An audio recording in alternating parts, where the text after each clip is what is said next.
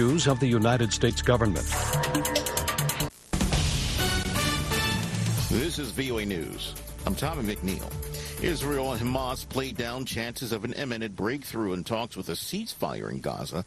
Their comments follow remarks by U.S. President Joe Biden, who said Israel has agreed to pause its offensive during the Muslim holy month of Ramadan if a deal is reached to release some hostages held by the militants. The president's remarks came on the eve of the Michigan primary, where he faces pressure from the state's large Arab American population over his staunch support for Israel's offensive. Biden said his comments reflected his optimism for a deal, not that all the remaining hurdles had been overcome. A rocket has exploded off the side of a ship traveling through the Red Sea off the coast of Yemen. It is the latest suspected attack to be carried out by Yemen's Houthi rebels.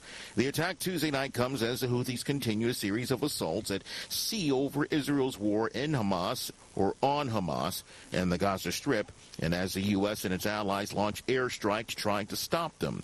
The Houthis have not yet claimed the attack off Hodeidah, a port they hold.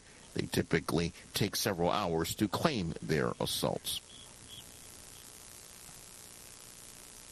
Congressional leaders emerged from an intense Oval meeting with President Joe Biden, speaking optimistically about the prospects for avoiding a partial government shutdown beginning this weekend.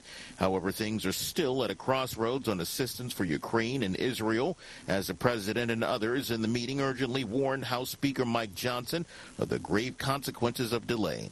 The Senate Majority Leader Chuck Schumer says those in the meeting told Johnson, get it done. But Johnson emerged from the meeting without mentioning Ukraine. He said the first priority of the country is our border and making it secure. Biden hosted Senate Majority Leader Chuck Schumer, House Minority Leader Hakeem Jeffries, and Senate Minority Leader Mitch McConnell in the office, Oval Office with Republican House Senator, House Speaker Johnson. This is VOA News. President Joe Biden and former President Donald Trump have won the Michigan primaries, further solidifying the all but certain rematch between the two men. Still, the results are highlighting some of their biggest political vulnerabilities ahead of the November general election. A vigorous, uncommitted campaign organized by activists disillusioned with Biden's handling of the war in Gaza far surpassed the 10,000 vote goal set by organizers. As for Trump, he has now swept the first five states on the Republican primary calendar calendar, but Trump continues to struggle with some influential voter blocs who have favored former UN Ambassador Nikki Haley in previous contests. Rapidly expanding Texas wildfires fueled by surging winds have prompted evacuation orders for several towns and shut down a nuclear facility in the state's rural panhandle. The Texas A&M Forest Service said Tuesday that the largest fire had already burned nearly 400 square miles. It remains 0% contained as of Tuesday afternoon. The Smokehouse Creek fire has more than doubled in its size since it sparked on Monday. An evacuation order was issued for Canadian, uh, for Canadian, a town of some 2,000, about 100 miles northeast of Amarillo, as well as other towns. Nuclear plant Pantex says it shut down as a wildfire raged near that facility. The killing of a nursing student in the Georgia has become an issue in the 2024 presidential campaign. The suspect in last week's slaying of Laken Riley is a Venezuelan man who entered the U.S. illegally and was followed to state to pursue his immigration case. Former President Donald Trump blamed President Joe Biden and his border policies for the Augusta University student's fatal beating he and other Republicans have suggested migrants are committing crimes more often than U.S. citizens, even though the evidence does not back up the claims. Democrats have been more muted. Many express sorrow for Riley's death. Some have accused Trump of exploiting a tragedy and using xenophobic rhetoric for political gain. Two mayoral hopefuls in the Mexican city uh, of Maravatío have been gunned down within hours of each other as experts warn the June 2nd national elections could be the country's most violent on record. The widening control of drug cartels in Mexico has been described as a threat. During the last nationwide election in 2021, about three dozen candidates were killed. Campaigning officially begins Friday. The western state has been particularly hard hit by gang turf wars. One watchdog says that it's likely that the biggest elections in history will also suffer the biggest attacks from organized crime. More at voanews.com. I'm Tommy McNeil, VOA News.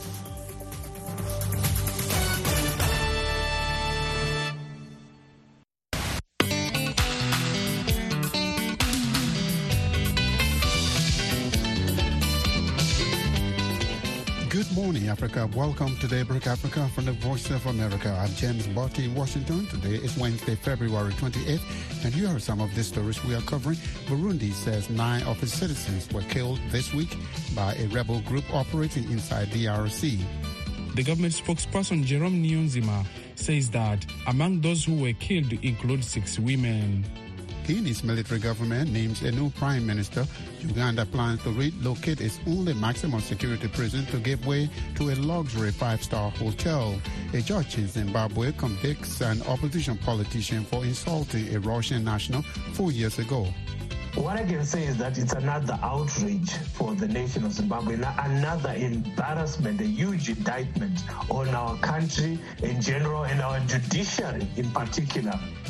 And Kenyan communities embrace alternative crops to ease human-wildlife conflict. Those stories plus our Black History Month presentation are coming up on Daybreak Africa.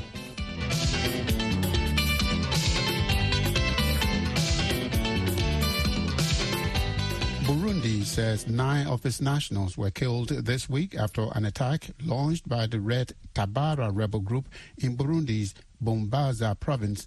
Burundi continues to blame Rwanda for supporting the rebel group, resulting in worsening relations between the two countries. Moses Havyarimana reports. It was on Sunday night when the mourners in Bubanza province in the northwestern part of Burundi were attacked by Red Tabara. The armed group, which infiltrated from neighboring Democratic Republic of Congo, killed nine people, according to the Burundi government. The government spokesperson Jerome Niyonzima says that among those who were killed include six women.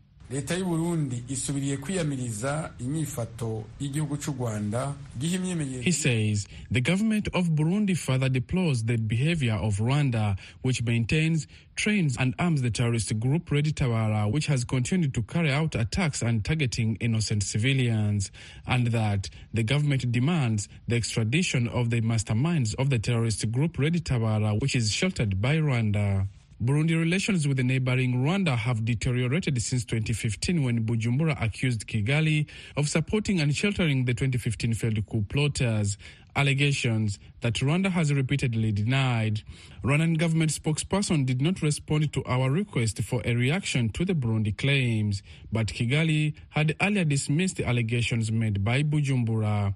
Dr. Gerard Siranda is the chairman of the Committee of Regional Affairs and Conflict Resolution in the East African Parliament. First solution now is continuous engagement, continuous speaking together without delegating people, but the heads of state within the partner states must give attention to the issues within the community. Sometimes you think they have left a lot of issues with the council because at the end of the day, whatever decision that they do just continue to impede the growth of this community. Tensions between Burundi and Rwanda has continued to impact citizens of both countries after Burundi in January decided to close its borders with neighboring Rwanda. The closure came a few weeks after Red Tabara rebel group killed 20 people in December. Last week, the South Sudan President Salva Kiir, who is the current chairman of the East African Community Heads of State Summit, visited the two countries to help de-escalate tension. Despite the escalating conflict between Burundi and Rwanda over the past nine years, East African community is yet to find any mechanism to bring the two together to ease tensions. Moses Havyarimana for VOA Africa. Guinea's military government has named a new prime minister a week after junta leader Mamadi Doumbouya abruptly dissolved the government. According to Reuters, the new prime minister is Mamadou Oury Bah. His appointment comes as Guineans have this week been protesting economic hardships and uh, ineffective government policies. Daouda Mohamed Kamara is the editor-in-chief at Espace FM. He tells me the new Prime Minister Oury Bah is not new to the Guinean political scene. The Prime Minister is uh, Bauri, is a leader, a political leader in Guinea, and it was, let me say, to the great surprise of Guineans that the, the Prime Minister Bauri is coming today, just uh, to this evening, And Bawuri is somebody who is uh, the, uh, let me say, the last generation, the Alpha Conde, Bamamadu, and uh, Cellou Daleins. Is somebody who is also an old minister of reconciliation in Guinea. He is the one who was the member of UFDG, a political leader led today by uh, Cellou Dalein Diallo. He's not new in politics. He's uh, an old school man of politics in Guinea. So when you say his appointment was a big surprise to Guineans, so what, what, what do you mean? I just mean that because uh, people are, we not expecting now Bawuri to come.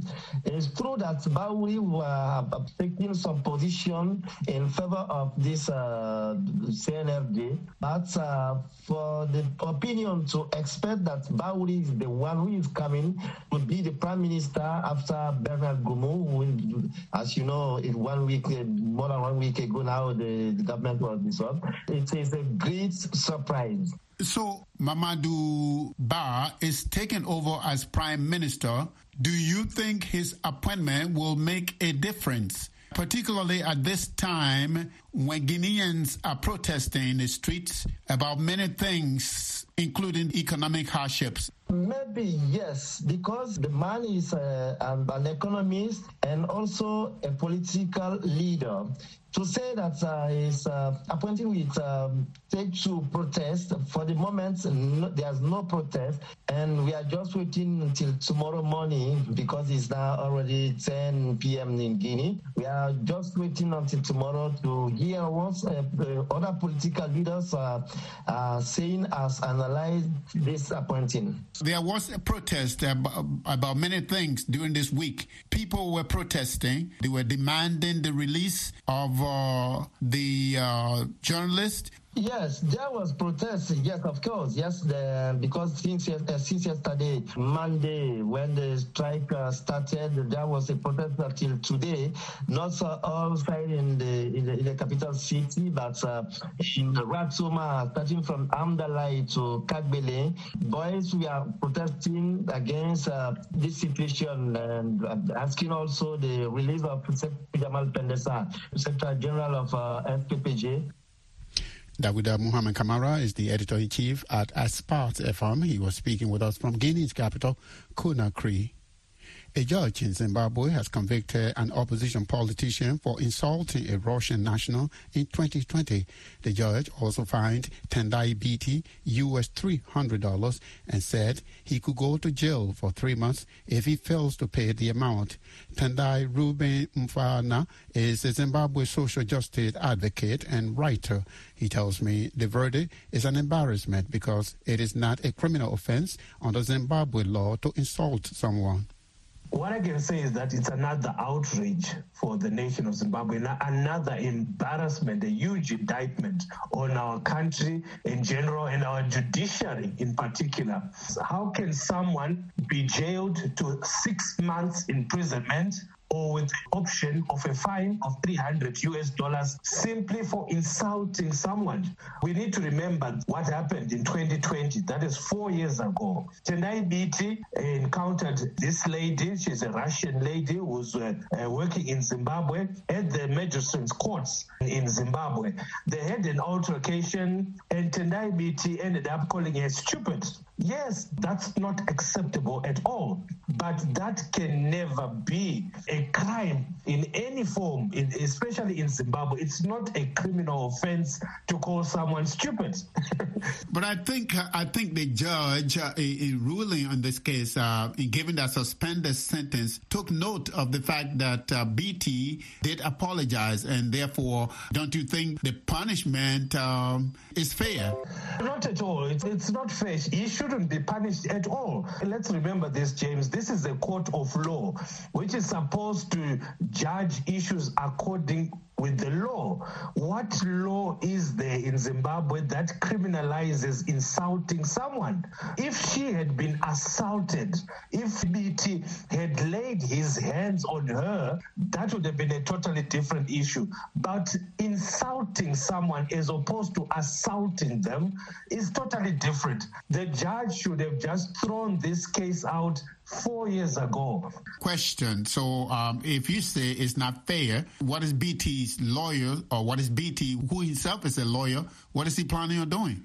Yes, he's going to file in uh, a, in appeal with a higher court because they are also standing on what I've been saying that no, it's unfair. Really, what the magistrate court ruled is unfair. There's no law that we can even think about that will say, how can you find someone guilty of insulting someone? So Biti's lawyer is going to take the issue to a higher court. I want to ask Biti is supposed to be one of the leaders of the newly reorganized Citizens Coalition for Change. That's the opposition. What is the opposition saying about the sentencing? So far, the only comments that I've uh, come across, they're also outraged. But as you understand that the, the Triple C, the opposition now, it's in disarray. So we can only expect a comment from the faction that is Welshman Ncube, Tendai Biti, and Jacob Mafume. The others, uh, I don't expect them to comment at all. You know, they might actually be celebrating wherever they are and even wishing that Tendai had actually been jailed. Zimbabwe's social justice advocate and writer. He was speaking with us from the capital, Harare.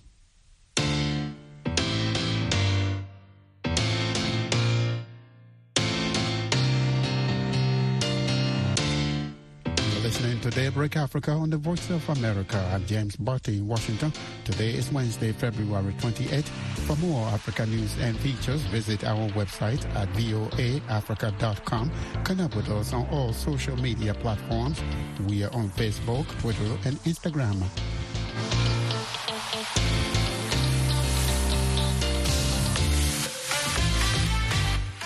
Uganda is planning to relocate its only maximum security prison to give way to a luxury five-star hotel.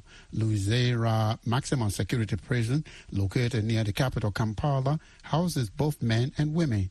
Local media report the facility will be turned into a five-star hotel by the Chinese Tian Tang Group citing a letter by President Yoweri Museveni.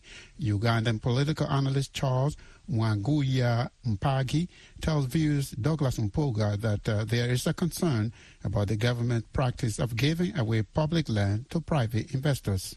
It's been a mixed reaction. There are people who believe that the relocation is uh, okay happening at this time, but the question is, this is the only national security prison that you have in the country and very close to the city center, less than 10 kilometers out of the city center. And the question is, why Luzira Maximum Security Prison? You have a huge shoreline along Lake Victoria and areas that are accessible where a beautiful hotel facility can be developed. Why are you giving away Luzira Maximum Security Prison with its history, its historical significance, and the need for relocation and the justification for having located the maximum security prison there? So there are people questioning what the rationale is, and many people saying, are you just looking at uh, another land giveaway like has happened to other public lands, or are you doing it for a genuinely good reason? And we understand it's being uh, given to a Chinese investor. Is that correct? Yes, in May 2022. That's when the president wrote to the Minister for Internal Affairs and said uh, he had been approached by the director of Tian Tiantiang Group. This is a Chinese company that's been involved in the manufacture of uh, steel. It's involved in the manufacture of mattresses and many other things. And I think running some hotels in town already. He said they had approached him and said they were interested in developing a five-star hotel on the land currently occupied by Luzira Maximum Security Prison and that they would relocate or rebuild the prison at any other site at their own cost. And that's what the president wrote to the Minister for Internal Affairs. And the minister wrote back and uh, he was inviting a discussion on how uh, this relocation happened. So, in the mind of government, it appears like it's a decision made. It's not even just a consultation. And what uh, the people's reaction to uh, prime land being given out to foreign investors, especially Chinese firms, without their input, the people's input? There's been a lot of debate in Uganda, not just about this one, and this one is just adding to a discussion that's been going on in the country. They call it, there is a word, they call it a land bonanza. Government is giving away prime public lands. Now, the question sometimes that arises is, are you actually giving it to a genuine, legitimate foreign or local investor, or are these being used as uh, fronts for government officials to get uh, a hold onto these uh, prime pieces of public land themselves. And, and, and that is at the center of the discussion over uh, this latest revelation about uh, the Luzira land. Some people have complained also about the giveaway of uh, wetlands, for instance. Many uh, of the factories run by especially Chinese, to some extent Indians, where they have built factories, they have built them in wetlands, which is a direct contradiction to government's commitment to fighting uh, wetland degradation across the country. But there have also been other giveaways of uh, prime public land. Some of your listeners might remember a place where the Uganda Broadcasting Corporation, the national radio and national television were located on uh, a prime hill on in Nakasero, just near the state lodge. That was given away. You have uh, places like uh, Shimoni Teacher Training College and Demonstration School. That was given away also apparently to build a hotel. Lots of land for schools, both secondary and primary. Playgrounds have been given away apparently for investment, but the question has been what quality of investment has come there, um, how effective has it been, where is the value for money, and accounting for that has been uh, extremely difficult. Political analyst Charles Mwanguhya Mpagi, he spoke with uh, my colleague Douglas Mpuga from Kampala, Uganda. Kenyan communities near Tsavo National Park are seeing a rise in human wildlife conflict impacting their lives and their income. Communities near the park complain of animal attacks and crop destruction, exacerbating poverty. The group Five Talents Kenya is helping the affected communities to reduce their conflicts, in part by introducing alternative crops that animals are less likely to eat. Mohammed Yusuf reports. In mid 2023, Kenya's Ministry of Tourism and Wildlife disbursed $6.2 million as compensation to victims of human wildlife conflict, covering deaths, injuries, and crop and livestock losses. According to the Kenya Wildlife Service, the government faces additional pending claims of more than $39 million due to human wildlife conflicts. Obadia Mwakireti, a farmer in Taita Taveta County, has lost maize and sorghum crops to elephants and other animals from Tsavo National Park. To survive, the 52-year-old farmer shifted to planting alternative crops. Nimepoteza pesa mingi sana nikilima hivyo vyakula vingine na I've lost a lot of money farming these other crops and we were not being compensated for our loss other than getting sorry. But now it is better. I am farming sunflowers. I harvest and press the oil and sell it, he says. Other farmers have turned to growing sunflowers and green gram and surrounding their fields with thick kei apple hedges to deter animal intrusion.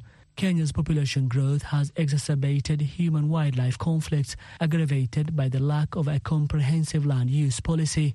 Five Talents Kenya, working with the U.S. Agency for International Development, has initiated programs supporting communities near Tsavo National Park. Peter Mugendi, the organization's head, says the group is targeting thousands of individuals from Kitui, Makueni, and Taita Taveta counties with programs aimed at reducing tension between communities and wildlife and improving people's income. The 3,600 individuals will first and foremost all be members of Thriving Accumulated Savings and Credit Association.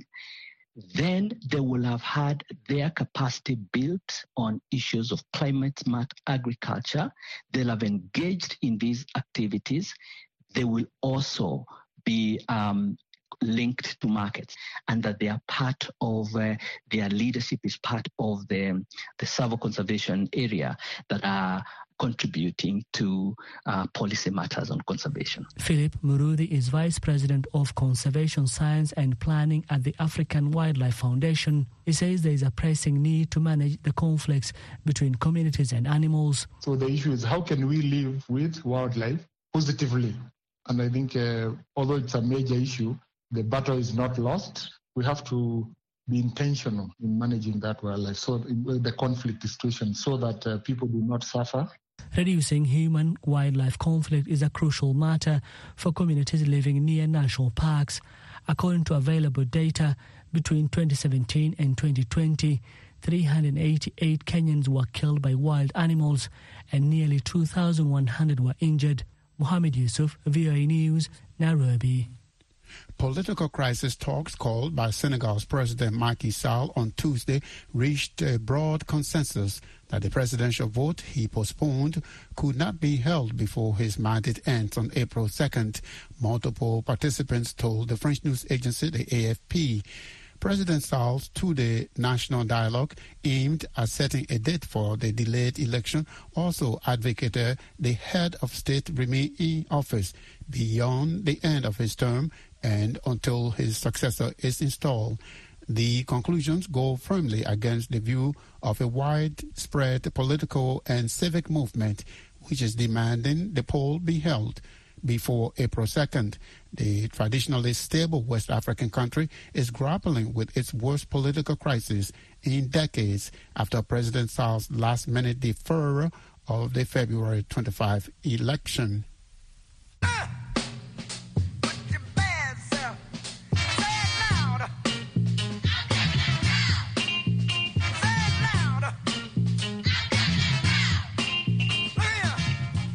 It is time now for our Black History Month and African History presentation for today, February 28th. On this day in 1932, Richard Spikes, a black man, invented the automatic gear shift. Also on this day in 1859, the Arkansas legislature required free blacks to choose between leaving the state of Arkansas or being sent back into slavery. On this day in 1990, Nigerian-born Philip Emeagwali was awarded the Gordon Bell Prize for solving one of the 20 most difficult problems in the computer field. Also on this day in 1984, the late singer Michael Jackson won eight Grammy Awards. His album Thriller broke all sales records and remained one of the top money-making albums of all time. And today in Black History, we want to tell you about an African American holiday celebration called Kwanzaa. It is held December 26th through January 1st. The seven-day celebration encourages people to think about their African roots as well as their lives in present-day America. Kwanzaa is a Swahili word which means the first fruits. It is based on African festivals. It was started in 1966 by Maulana Ron Karenga, a professor, writer, and leader in the black struggle. On this day in African history, 1948, Sergeant Cornelius Adjetey became the first martyr for Ghanaian national independence. Adjetey was a member of Ghana's World War II veterans who had marched to the seat of the British colonial government in Ghana to demand their end of service benefits. A white police officer either ordered or opened fire on the unarmed soldiers, killing three of them, including Sergeant Adjetey. And those are your Black History Month and African History facts for today, February 28th. Look at one more thing I got to say right here. Now, now people.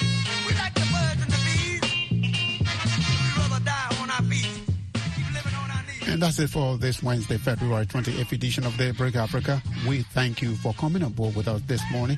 For more Africa news and features, visit our website at voaafrica.com. Connect with us on all social media platforms. We are on Facebook, Twitter, and Instagram. We are also on YouTube, where you can watch our TV shows Africa 54, Straight Talk Africa, and Red Carpet. On behalf of the Daybreak Africa team, I am James Butty, Washington, wishing that you will have a lovely day.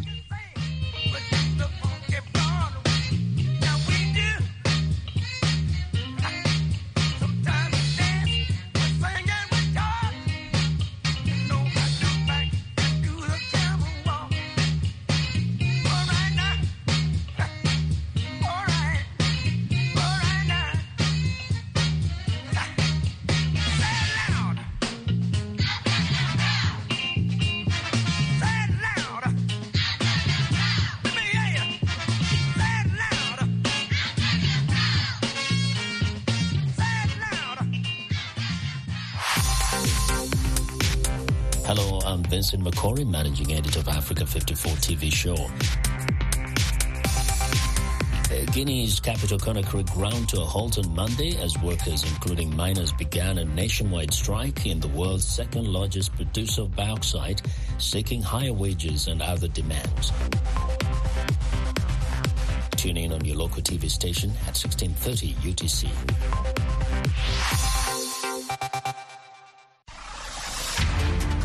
This week on Straight Talk Africa, two years after Russia's invasion of Ukraine, the war continues to pose a threat to global security. How is Moscow funding this war? Why is it spreading disinformation? We'll also look at how Russia uses gold from Africa to fund its aggression. Join me, Haiti Adams, on the next Straight Talk Africa this Wednesday at 18.